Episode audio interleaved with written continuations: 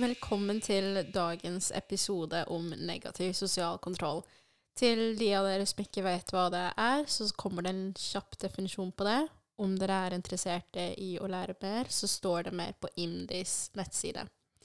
Negativ sosial kontroll det er ulike former for oppsyn, trusler, tvang og press som gjerne utøves for å sikre at enkeltpersoner lever i tråd med enten familiens eller gruppens normer. Og som vi har snakka om i de tidligere episodene, så vet vi at det å leve mellom to kulturer eh, ofte fører med seg mange ulike utfordringer. Og negativ sosial kontroll er en av de utfordringene. Den negative sosiale kontrollen den fører med seg press, og den er med på å påvirke livsvalga vi tar. Den er med på å påvirke verdiene vi har, og ikke minst så er det med på å påvirke når vi holder på å danne vår egen identitet. I dag skal vi snakke litt om egne erfaringer rundt det med negativ sosial kontroll. Hva vi tenker om det, og hvordan vi kan forebygge det. Vi har jo pratet om dette temaet før i plenum i vennegjengen vår. Og når vi begynte å prate om det, så sa jeg at uh, jeg kan ikke relatere til dette temaet på noen som helst måte. Og da svarte jo venninnen vår at jeg nekter å tro at en jente med utenlandsk bakgrunn ikke har opplevd noen form for sosial kontroll. Det tok jo ikke mange minuttene før uh, vi kom fram til at jo da, jeg har uh, opplevd uh, en form for sosial kontroll i løpet av min barndom mm. Mm. i mitt liv. Og mitt første spørsmål har noe med kjønnsroller å gjøre, og jeg lurer på om det er om dere tenker at det er flest innvandrerjenter enn gutter som opplever negativ sosial kontroll. Absolutt. Jeg tenker det at uh, det er en forskjell mellom kjønnene. Og jeg tror nok det er mange flere innvandrerjenter som opplever det enn gutter. Mm. For å ta et eksempel. Det har jo blitt pratet om at vi jentene vi har en blomst vi skal ta vare på. Og da tenker jeg bare hvor er blomsten til disse guttene? Den har ikke jeg hørt om. uh, det er ikke et dilemma de har. Mm. Ja, for når jeg tenker på det med sosial kontroll og kjønnsroller, så tenker vi bare så tenker jeg bare kun på disse guttene som ikke blir sett. Altså disse guttene som får lov til å gjøre det de vil, mens vi jentene har eh, store øyne som uh, overvåker oss hvor enn vi er. Mm. Og så har du disse koselige, ikke sånn no shade, men disse mammaguttene som kan gjøre hva de vil uten at de får noe shame eller noe sånn kommentarer på det de gjør. Og det er sånn jeg tenker at det er en stor forskjell mellom jenter og gutter mm. når det kommer til det.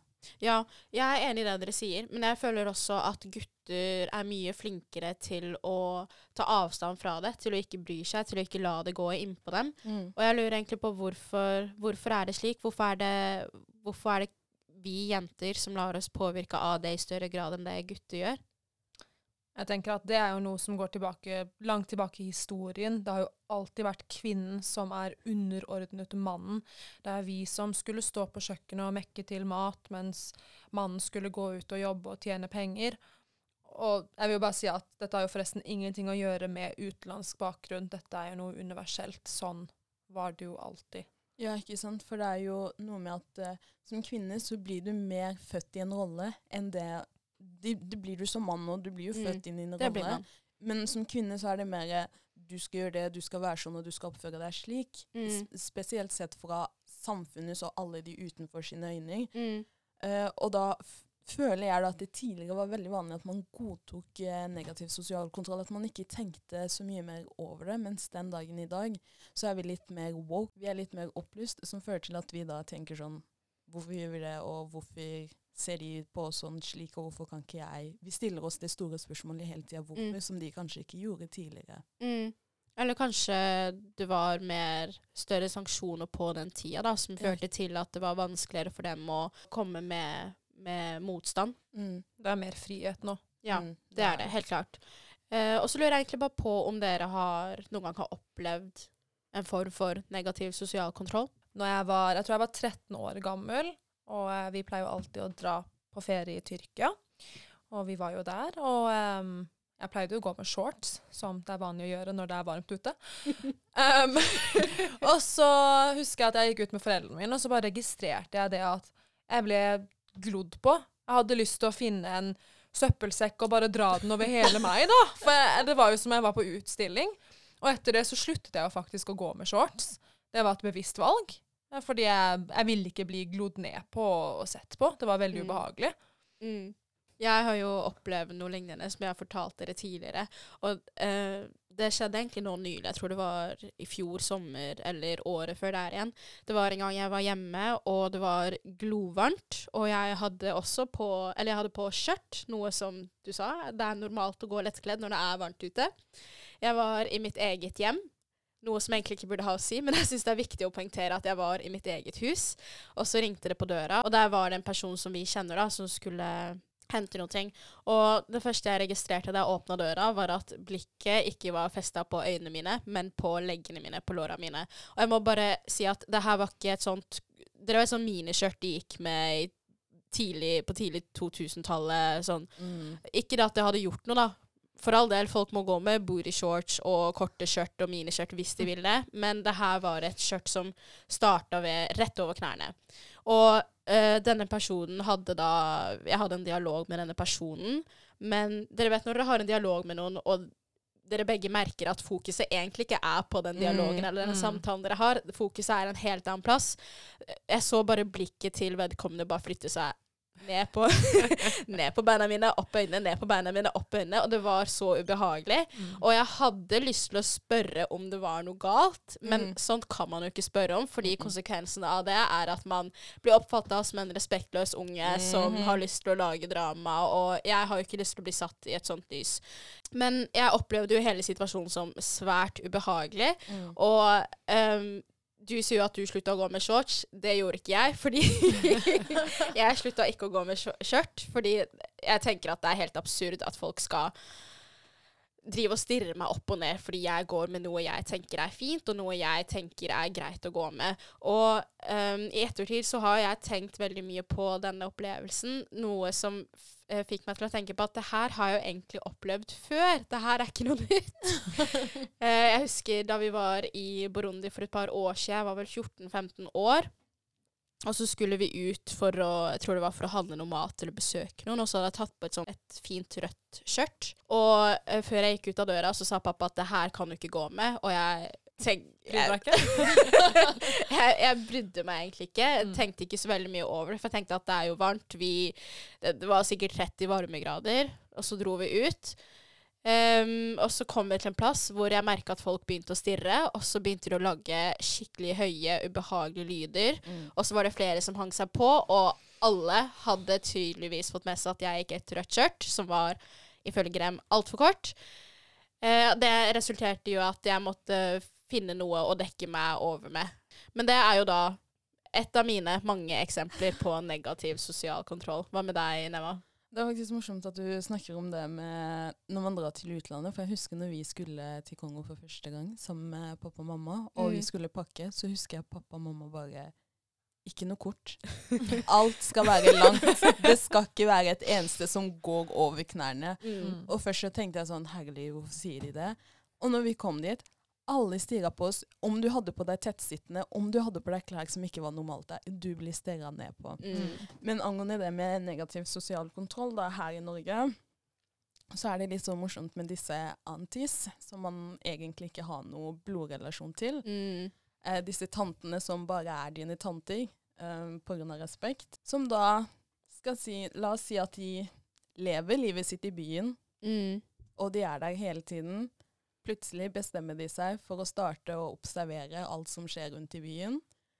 Ringe hjem til foreldrene dine hvis du da tenker deg en liten tur ut på byen sammen med en kompis for å bare spise. Og dette er kun en kompis, Mm. ingenting. Altså no, eh, en person av det motsatte kjønn. Mm. Og de ser deg og tar opp telefonen og ringer hjem til foreldrene dine og bare Jeg observerte dattera di i byen sammen med en annen gutt. Hun har Mm. fått seg kjæreste. Dere må fikse det. Det ser ikke bra ut. Og bla, bla, bla. Mm. Og det synes jeg er helt sjukt hvordan den andre plutselig skal begynne å stirre stygt på deg, selv om du, Mm. du har ikke gjort noe galt. Mm. Det er det, men du blir så stressa og Mm. bare Hva har jeg gjort? Og nei, nå har jeg skitna Du føler jo nesten at du har gjort noe galt. Ja, Ja. ikke sant? Det, selv om du ikke har gjort noe. Mm. Og dette fører jo til at man ofte passer på hvem man går med, hvor man går, hvilket Mm. klokkeslett man er ute. Og det er utrolig ubehagelig. Det er jo kjemperart. Det skal jo egentlig ikke være sånn. Nei. Nei.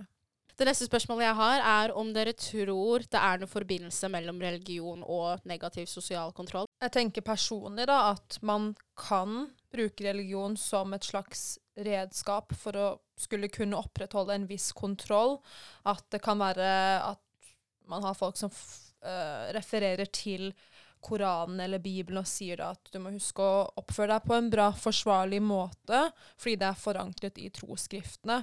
Og da refererte jo det med den hellige blomsten, det med å vente med sex før, før ekteskap, og at du skal mm. dekke deg til. At det kan ha en sammenheng i enkelte hjem. Mm. Men jeg tenker også at det trenger jo ikke nødvendigvis å være pga. religion. Det kan jo også være pga. det med familiens rykte mm. og det med familiens ære, at det er det man skal beskytte. At man skal ikke legge skam over hele familien, fordi det kan ødelegge familiens rykte. Mm. Det med familien, da, det er jo utrolig sentralt og utrolig viktig. Nå har vi egentlig vært litt inn, inne på det, men jeg tenker hvordan kan det med sosial kontroll forme egne og andres verdier eller liv? Nå har jeg heldigvis Jeg føler jo ikke det at jeg har blitt så utrolig påvirket av sosial kontroll, eller hatt foreldre som har styrt meg med en jernhånd, om jeg kan si det sånn. Mm. Men uh, jeg ble vel fortalt, og det lå jo ganske klart i luften, at jeg ikke skulle komme hjem med noe kjæreste i løpet av ungdomsskolen, videregående og for så vidt uh, universitetsperioden også. Mm. Um, så, men det kunne jo mine brødre, da. Så det var jo en annen forventning til meg enn som kanskje var til dem. At det går et skille der. Mm. Og derfor tenkte vel jeg at det aldri var OK å kunne gå inn i et forhold. Mm. Og det tror jeg veldig mange kan kjenne seg igjen i, Sanna. Mm.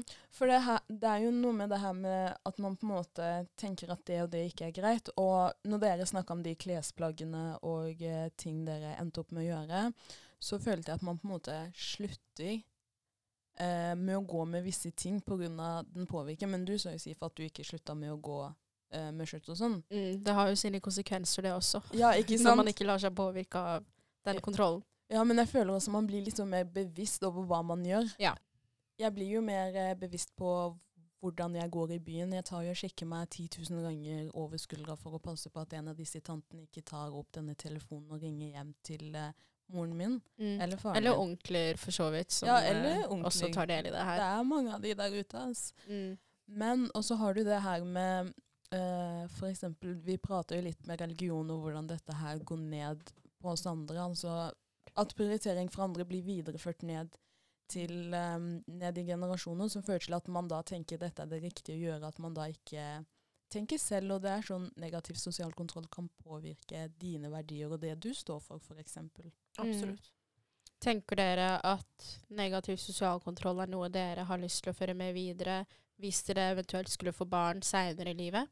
Jeg føler at hvis jeg får barn, så det er så vanskelig å på en måte skulle slutte med å leve i denne perfekte verden der hvor du sier 'nei, jeg skal ikke gjøre ditt', og 'nei, jeg skal ikke gjøre datt'. Mm. Så jeg føler at de dessverre kommer til å bli påvirket av noe av det jeg kanskje har blitt påvirket, men jeg kommer til å være litt mer bevisst på det. Mm. Hva jeg sier til dem, og hvordan jeg sier det. Mm. At det ikke blir noe sånn 'nei, ikke gjør det', sånn at de føler en skam, men mer sånn 'hva tenker du om det', eller 'hva synes du om det', er det en grei ting å gjøre? Mm. Og sånt. Dette har nok blitt nevnt tidligere i en av våre eh, andre eller tidligere episoder. Men jeg tenker at fas, Eller det er jo ikke noe fasit, men jeg tenker at noe som er veldig viktig, det er åpenhet og dialog. For det her er jo ikke noe som blir snakka om. Mm -mm. Man foreldrene får den telefonen. 'Jeg så dattera mi med den og den og den, og jeg så at hun gikk kledd sånn', og bla, bla, bla, bla. Og så er det kanskje noe vi får vite gjennom foreldrene våre, og så settes det et punktum der. Og så er det mm. ferdig. Det blir ikke så veldig mye mer snakk om. Men jeg tenker at hvis mine barn skulle oppleve en form for sosial kontroll, så er dette noe jeg har lyst til å snakke med dem om, om hva det er, og hvorfor det er slik, og hvordan de, eh, hvordan de eventuelt skal håndtere det. Ja, for du snakker Jeg må bare bli litt sånn nysgjerrig, for du sa at um, du skulle da snakke med dine barn, men føler ikke du at du kommer til å sende ned noe altså det du står for? Fordi jeg, jeg, føler når man får barn, så får du helt, en hel samfunnsborger som du på en måte skal forme. Altså det med Selvfølgelig. Og ja, til de som vet hvem Boffenbrenner er. det med oppdragelse og sånne ting. Ja. At du da som person kommer til å være den som former, og samfunnet, skole, barnehage skal være en del av det. Men det Mm. viktigste er jo dine verdier. Føler ikke du at du kommer til å forme det ned på dine barn, eller videreføre det ned på dine barn? For negativ sosial kontroll kan jo være noe som kommer fra foreldrene ubevisst. Ja, det kan hende, men det er jo noe jeg selvfølgelig vil unngå, for all del. Og jeg tenker jo at på samme måte som at jeg har lyst til å ha mine egne verdier, så vil jeg også at mine barn skal ha egne verdier. Ja. Mm. For det er det som er så skummelt med negativ sosial kontroll, er at jeg tror ikke alle er klar over hva det er, og Nei. hvordan de utøver det. Ja, det, det er helt riktig. Og da kommer vi egentlig videre på neste spørsmål, og det er om dere tenker at foreldrene deres også opplever negativ sosial kontroll. Jeg føler kanskje at foreldrene mine har opplevd det på en eller annen mulig måte. Kanskje kommet fra meg også der hvor jeg har sagt mamma, du kan ikke gjøre sånn, eller pappa, du kan ikke være sånn, fordi Mm. jeg føler det er skam. Vi har Mm. alle vært der når de sier do istedenfor du, og hele den pakka. Vi har vært sånn, ikke snakk sånn. Mm. Mm. Så jeg absolutt. føler at de sikkert har opplevd det fra meg, men fra sine foreldre og, og fra samfunnet rundt. Mm. Jeg tror det er veldig mye press fra, fra hjemmelandet i veldig mange innvandrermiljøer. Det Absolutt. vil jeg tro. Så også det her med ryktene, da. Man vil jo ikke ha et dårlig rykte på navnet sitt. Mm -mm. Nei, det du sier med rykter, med at vi, vi har jo tross alt vokst opp i Arendal. Det er en liten by hvor alle kjenner alle. Mm. Som du sier med rykter, det kan jo fly rundt ganske raskt når det er et lite område. Mm. Ja, for dere snakker om det med at vi er fra Arendal og alle kjenner alle, men så er det noe med det å være i de eh, Når du er en kongoleser, så er du kanskje med i en gruppe. Ja, i det kongolesiske miljøet. Ja, inni det kongolesiske miljøet. Det var miljøet jeg var ute etter. Takk. Mm. Og når du er der, så er det så viktig også å på en måte huske etternavnet ditt. At det er det du representerer, og Mm. det du gjør, kommer ikke bare på deg, men det kommer på Hele, Hele. familien. Familien. Ja. Um, det, er, det er sant det du sier. Men hvis vi bare ser bort ifra det med de kongoles eller det kongolesiske miljøet og det iranske miljøet, tenker dere at Eller har dere noen gang opplevd negativ sosial kontroll uh, utøvd av storsamfunnet? Altså det norske samfunnet? Det eneste jeg kan komme på, er vel den berømte janteloven. Ja, og det, det er jo det med at man ikke skal tro at man er bedre enn andre. Er det ikke det som er den største hovedregelen i selve Mm, man skal ikke tro man er noe, man skal ikke tro man er bedre enn andre. Og så har jeg hørt disse historiene om f.eks. la oss si hvis man drar til USA, så er det mye mer vanlig at man kan være seg selv 110 ikke sant? Mm. Du kan gå kledd slik du vil, si det du vil si og gjøre det du vil. Mm. Men så fort du er i Norge, så er du en helt annen person. Du kan plutselig ikke gå som du gjorde i utlandet. Du må tenke mye mer på hva du gjør og hvem du er. Mm. Og jeg føler at det er jo sånn Så fort du kommer ut utenfor grensene, Mm. så blir det veldig fort sånn at du tenker over at eh, OK, nå, nå er jeg tilbake i Norge. Nå, nå må jeg oppføre meg slik de er vant til at de er, liksom. Mm. Det tror jeg det er veldig mange som tenker. Jeg delte jo en artikkel med dere forleden som eh, handla om Abid Raja og hans kjærlighetsliv, og hvordan han opplevde det med negativ sosial kontroll rundt det å ha en kjæreste som familien ikke hadde valgt ut i han. Og i den artikkelen så skrev han om noen episoder. Jeg, eh, nå vet jeg ikke om jeg husker, husker det helt riktig, men eh, jeg kan gjerne sende de som er interessert i det, den linken. Men en av episodene foregikk på Burger King, hvor han var da på en date med kjæresten, og så satt det noen andre jenter fra det pakistanske miljøet et, bord, et par bord em, et par bord Unna. De var jo veldig nysgjerrige på hvem denne kjæresten var, men eh, i frykt for å da eh, I frykt for at foreldrene skulle finne ut av det her forholdet, så endte de opp med å sitte inne på denne Burger Kingen helt til de jentene hadde gått. Og det er jo det er jo et eksempel på negativ sosial kontroll. Og et annet eh, eksempel han kom med, var en gang de skulle på tur sammen, og jenta måtte dekke seg helt til. I, jeg tror hun gikk med nikab for at man ikke skulle kjenne igjen ansiktet eller kroppen. Det her måtte de gjøre på flyplassen, hvor det er veldig mange taxisjåfører som eh, følger med på alt, ikke sant. Og det her er også et annet eksempel på negativ sosial kontroll. Og i denne artikkelen så avslutter han med å si at dette er noe um, uh, ungdom med innvandrerbakgrunn må ta oppgjør med. At dette ikke er bra. Dette, vi, det er på tide å sette foten ned. Men det jeg syns er litt synd, er at man ikke kommer med konkrete eksempler på hva man skal gjøre. For vi er jo alle enige om at det her ikke er bra, men hva tenker dere at vi kan gjøre for å forebygge det her med negativ sosial kontroll? Dette blir vel kanskje litt generelt, men du nevnte jo, Sifa, du nevnte vel det med å ha en åpen dialog. Mm. Jeg tenker det at når man ser og opplever sosial kontroll, så er det viktig å påpeke det og stoppe opp og si at dette her er en form for negativ sosial kontroll, og det er ikke OK. Slik at, For det kan jo være det at det er folk som utøver negativ sosial kontroll, og de vet ikke engang at de gjør det, at det er det som skjer. Mm. Um, så det er jo viktig å påpeke det og kunne sette en stopp på det. Jeg syns også at det er viktig å ikke sånn frekt ment, men folk må starte å minde sin egen business, liksom. At folk mm. må leve livene sine slik mm. de vil leve. For jeg tenker på mange innvandrere da, som mm. kommer til et samfunn som Norge og uh, fortsetter med sine, uh, sine, typiske verdier eller holdninger som de hadde nede i hjemlandet. At mm. det kanskje er på tide å la, la det gå.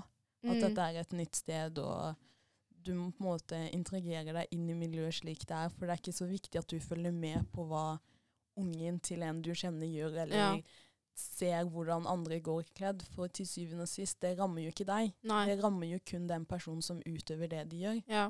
Og jo, vi skal jo lære livet, men det er jo ikke en bra måte å lære på, for hvem lærer av å føle skam? Mm. Det er sikkert noen som gjør det, men Ja, det er det helt sikkert. Ja, men det er også mange som ikke gjør det. Jeg har lyst til at det her er noe som skal snakkes mer om i skolen. Mm. Eh, både eh, blant elever, mellom lærere og elever, og i, i personalet på skolen. Og så vil jeg også at um, man, man, skal ta kampen, sånn som veldig mange sier, men at man også skal starte rolig, ta én ting av gangen. Mm. Hvis man vet at foreldrene La oss si at du har en far da som ikke tillater at du går med bukser. Så kan du kanskje bare starte rolig og si at ok, men jeg har en venninne som også går med bukser, og det, det går jo bra med henne, ikke sant? For det er veldig mange som jeg har sett så mange mennesker som De går med ett antrekk hjemme, så kommer de på skolen, og så skifter de, og, så går de med det på skolen. Mm. Og så idet skoledagen er over, så kler de på seg igjen, skifter om, og så går de hjem. Det er jo som å leve et dobbeltliv. Man er jo så redd for de sanksjonene, reaksjonene man skal få fra foreldrene og, og samfunnet rundt. Det som er litt sånn morsomt, uh, tenker jeg, er å spørre disse uh, eldre mennesker, eller folk som faktisk gjør det, som f.eks. kan være noen som er bare et par år eldre på hvorfor de tenker sånn, og hvor de har fått den kunnskapen. For det er jo mange av de som til syvende og sist ikke skjønner hvorfor de tenker sånn. Mm. Det er mange av de som sier det fordi de har fått dette her nedarvet, liksom. At det har bare vært sånn i generasjon etter generasjon, så har de bare føyet seg med. Mm. For jeg føler at når man starter å ta disse kampene, og ha disse diskusjonene med folk som utøver denne negative sosiale kontroll, så kan det faktisk føre til at man får en eh, man får eh, et rom, eller sånn, man får plass til å forklare seg hvorfor man ønsker å gjøre det man gjør. Øh, gjør og mm. da gir du dem mulighet til at de kan forklare hvorfor de sier det de sier. Og til syvende og sist hvorfor. Det store spørsmålet hvorfor, hvorfor, hvorfor. Ja, det er egentlig det store spørsmålet. Og jeg syns det er Jeg tror det har kommet tydelig frem i den episoden at uh, jeg syns det er utrolig trist. For at det, det, stopper friheten til veldig mange folk. Jeg har hørt om jenter som ikke har lov til å ri på hest fordi at de er så redde for at jomfruhinna skal, skal sprekke. Eh, ungdommer som ikke har lov til å bruke tamponger eller dra til gynekologen pga. alt det her eh, rundt all, all den her eh, oppmerksomheten rundt det med å være jomfru. Da. Det er også en form for sosial kontroll. Mm. Så ja, jeg tenker at vi må ta kampen starte rolig, ta én ting av gangen, og så være bevisste. Og stille spørsmålet hvorfor. Hvorfor er det slik? Ja. Dagens tema har jo vært et ganske viktig et. Det er jo spennende, og dere har kommet med veldig mange gode eksempler. Takk for at dere har lyttet. Eh, følg oss på sjamener.pod, og ha en fin dag videre.